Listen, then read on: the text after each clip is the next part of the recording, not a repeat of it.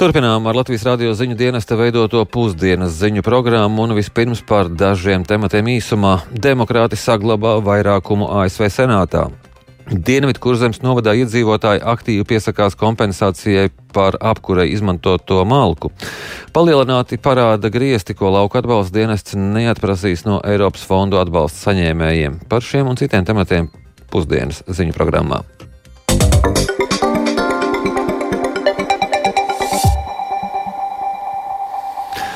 ASV valdošā demokrātu partija saglabās vairākumu ASV senātā. Tas kļuvis zināms pēc demokrātu kandidātes uzvaras Nevadas štata senatora vēlēšanās. Lai arī republikāņu partijai joprojām ir reālas iespējas iegūt kontroli pār kongresa pārstāju palātu, vidustermiņa vēlēšanu iznākums tiek raksturots kā pamatīga izgāšanās. Atsevišķiem senatoriem pat paziņojot, ka vecā republikāņu partija ir mīrusi. Vairāk stāsta Uģis Lībietis. ASV vidustermiņa vēlēšana cīņa par vietām senātā izvērtās negaidīti sīva. Vēl pirms balsojuma bija reāla iespēja, ka Demokrāta partija varētu zaudēt kontroli pār abām kongresa palātām, taču daudziem par pārsteigumu demokrātiem ir izdevies vairākumu senātā saglabāt.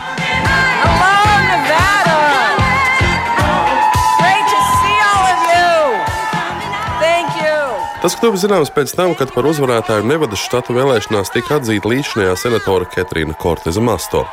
Viņa pārspējas republikāņu pretendentu Adamu Laksaltu.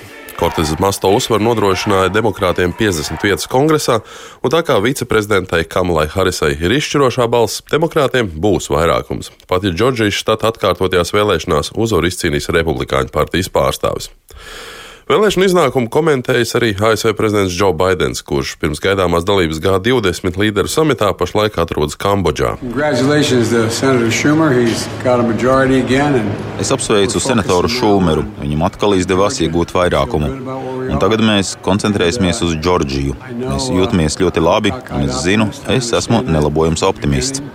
Es neesmu pārsteigts, bet esmu ārkārtīgi apmierināts. Un es uzskatu, ka šie rezultāti atspoguļo mūsu kandidātu kvalitāti. Turklāt viņi visi startē ar vienu un to pašu programmu. Tāpēc es jūtos labi un gaidu turpmākos pāris gadus.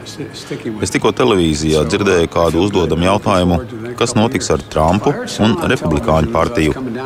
Viņš atbildēja, Vienīgais, ko Trumps ir izdarījis, ir atklājis Republikāņu partijas patieso seju. Un es uzskatu, ka Republikāņu partijai, tāpat kā citām partijām pagātnē, būs jāizlemj, kas viņi īsti ir. Republikāņiem simpatizējošajos medijos šo vēlēšanu iznākums tiek atspoguļots kā sagrāve. Televīzijas kanālā Fox News bijušais Donalda Trumpa padomnieks Stevens Millers izteicies, ka senāta republikāņu līderis Mičs Makonels ir izrādījis politisku gļēvulību un politisku stulbumu. Pēc Millera vārdiem visas zvaigznes bija sastājušās par labu republikāņiem, taču partijas vadība nav spējusi to izmantot. Daudz labāks rezultātus būtu bijis iespējams panākt, ja republikāņi būtu koncentrējušies piemēram uz robežu aizsardzību aizsardzību. Pensilvānijas vēlēšanās zaudējušais senators pēc tūlīs uzskata, ka šīs vēlēšanas ir skaidri parādījušas, jo vairāk kandidāts ir saistīts ar Donaldu Trumpu un viņa nepamatotajiem apgalvojumiem par vēlēšanu nozagšanu 2020. gadā, jo vairāk šis kandidāts ir zaudējis. Un tas savukārt ir pretrunā tā dēvētajiem tradicionālajiem republikāņiem, kuri izcīna uzvaras. Savukārt republikāņu senators Džošs Holijs un Nevadā zaudējušais republikāņu kandidāts Adams Laksalts ir izteikušies, ka Republikāņu partija ir mirusi. Kā uzsvers Holijs, kurš ir viens no jaunākajiem senatoriem, veco partiju ir nepieciešams aprakt un izveidot kaut ko jaunu. Arī viņš uzskata, ka nav iespējams pārliecināt neatkarīgos vēlētājus balsot par republikāņiem, ja netiek piedāvāta viņiem saistoša dienas kārtība. Turklāt nepietiek tikai ar pretinieku kritizēšanu, ir nepieciešams arī skaidrs savs piedāvājums, kura republikāņiem šoreiz nav bijis. Vairāk gados jauni republikāņi arī ir aicinājuši atlikt nākamajā nedēļā gaidāmo balsojumu par republikāņu partijas senāta vadību.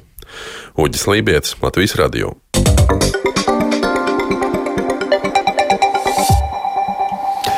Dienvidu kurzemes novada pašvaldība saistībā ar daļai kompensāciju par apkurē izmantoto malku un citu kurināmo saņēmusi vairāk nekā 7300 iedzīvotāju iesniegumus.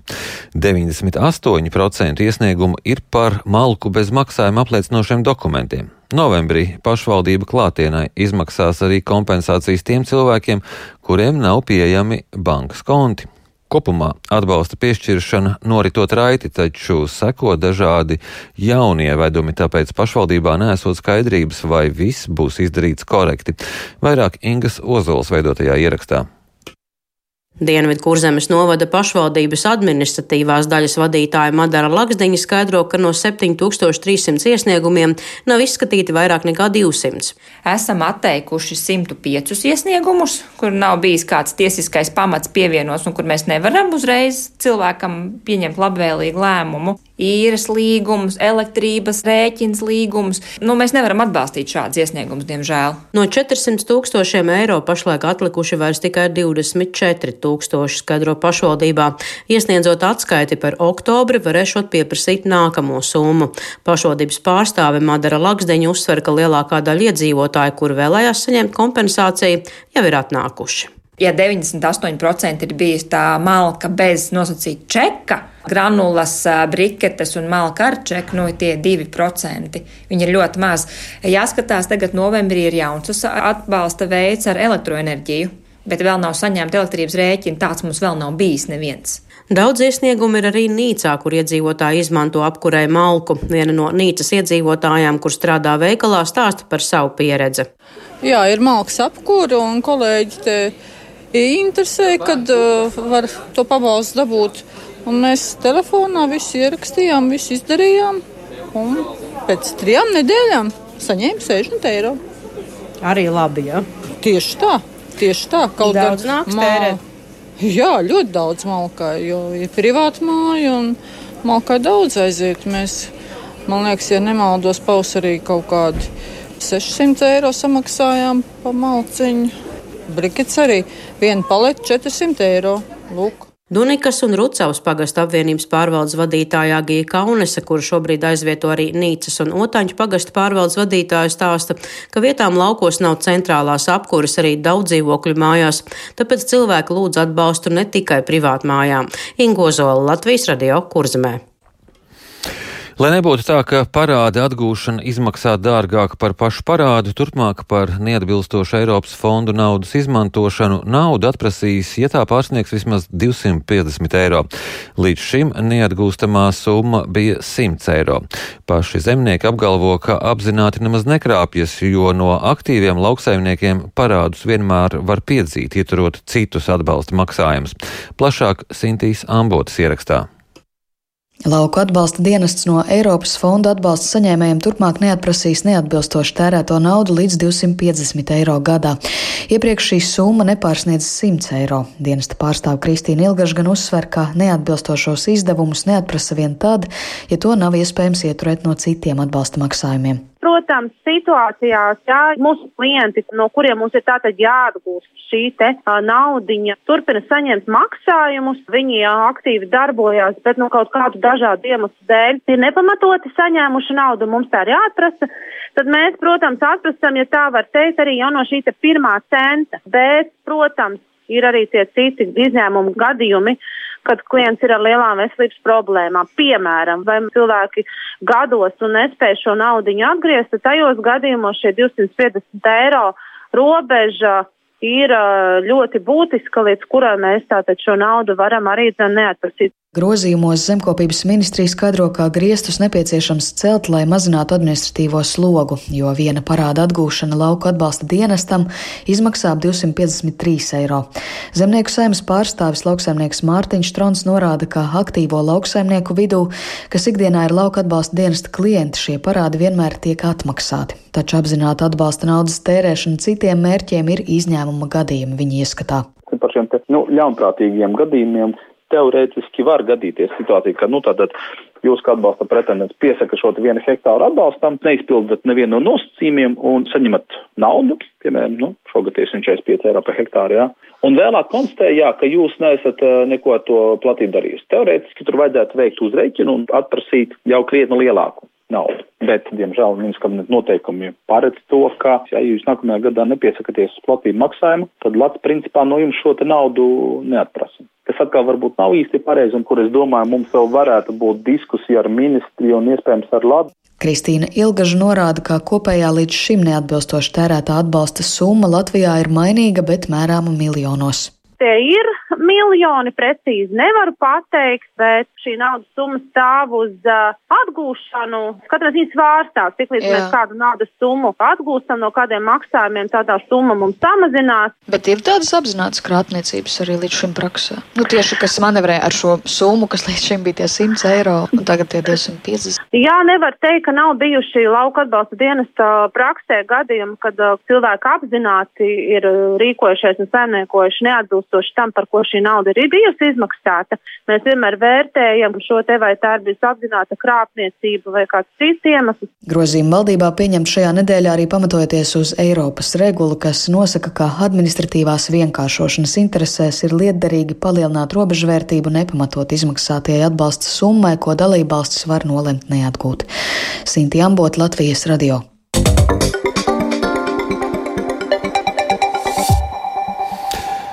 Un vēl par sportu. Latvijas virs, virslīgas čempionu kausu vakar ieguva Valmieras futbolisti. Tāpat vēsturisku sniegumu sportā sasniedz Latvijas basketbola vīru izlastie, kļūstot pasaules kausā. To novērtēja arī Kristaps Porziņš. Vairāk par sportu gatavs stāstīt eh, Lotārs Zariņš. Sveiks, Lotār! Jā, sveiks, Lauri, un sveiki, klausītāji. Jā, vispirms, eh, kā vakar Liepājā Valmieras klubam nāca panākums? Jā, nu uzvara nenāca tik viegli. Pirmajā puslaikā vairāk iespējas atklāt maču rezultātu bija tieši liepainiekiem, taču pēc pārtraukuma apgrieziens uzņēma valmierieši. Iesākumā Raimons Krols pēc stūra sitiena ar celi bumbu raidīja viesu vārtos, panākot 1-0. Otros vārds spēles pēdējās sekundēs iesita Džibrils Gejs. Pēc uzvaras par komandu un nākotnes plāniem vairāk stāsta Raimons Krolis.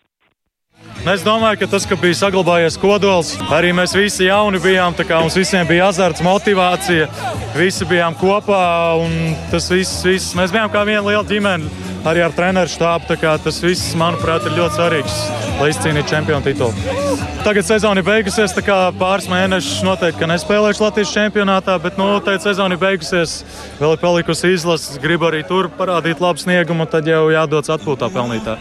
Pēc tam jau domās, kas ko kā. Jā, un svētku someriešiem savā ziņā pabojāja, ka 500 spēlētājiem uzreiz pēc uzvaras nācās doties Latvijas futbola izlases gatavojoties Baltijas kausa turnīram. Ceļā no Liepājas uz Valmieru spēlētājiem bija jāpaliek Rīgā, kamēr vispārējā komanda brauc svinēt uz Valmieru. Prieks vakar bija arī mūsu basketbola izlasē, kas piekdien izcīnīja vietu pasaules kausa fināla turnīrā. Ko par sasniegto ir teikuši spēlētāji? Jā, nu, protams, spēlētāji atzinīgi vērtē izlases sasniegumu kvalificējoties pasaules kausa fināla turnīram, un šonakt savu prieku apliecināja arī Nacionālās basketbola asociācijas spēlētājs Kristaps Porziņš. Viņa pārstāvētā Vašingtons Wizards ar 121, 112 pieveic jūtas džēz. Porziņš go 31 punktu un savādas 10 atslēgšās bumbas, un pēc spēles arī viņš atzīmēja savu gandarījumu ar izlases kvalificēšanos pasaules kausam. So happy, man. Oh, man. History, you know, so, Esmu ļoti priecīgs. Tas noticis pirmo reizi vēsturē. Darbs, ko ieguldījām vasarā, tur mēs dabūjām divas svarīgas uzvaras. Tagad mums vajadzēja tikai vienu uzvaru, lai garantētu vietu turnīrā par 99%. Citu komandu spēles mums arī pavērās par labu. Galvenais, ka esam kvalificējušies turnīram.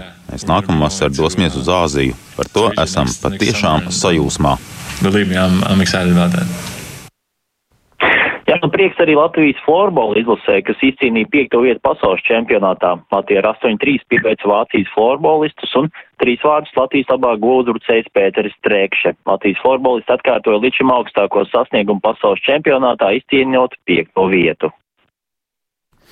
Jā, paldies uh, kolēģim Lotāram Zariņam par sporta aktualitātēm. Pusdienas ziņu programma izskan raidījuma producents Edgars Kopčs, ieraksts montēja Kaspars Groskops, pieskaņa pulcīvēc zvejniece, studijā Lauris Zvejnieks un vēl tikai īsumā par svarīgāko demokrāti saglabā vairākumu ASV senātā. Dienvidkurzemes novadā iedzīvotāji aktīvi piesakās kompensācijai par apkurē izmantoto malku. Palielināti parāda griesti, ko lauka atbalsta dienests neatprasīs no Eiropas fonda atbalsta saņēmējiem. Mūsu ziņām var sekot līdzi arī Latvijas Rādio 1 Facebook lapā un LSM LV. Yeah.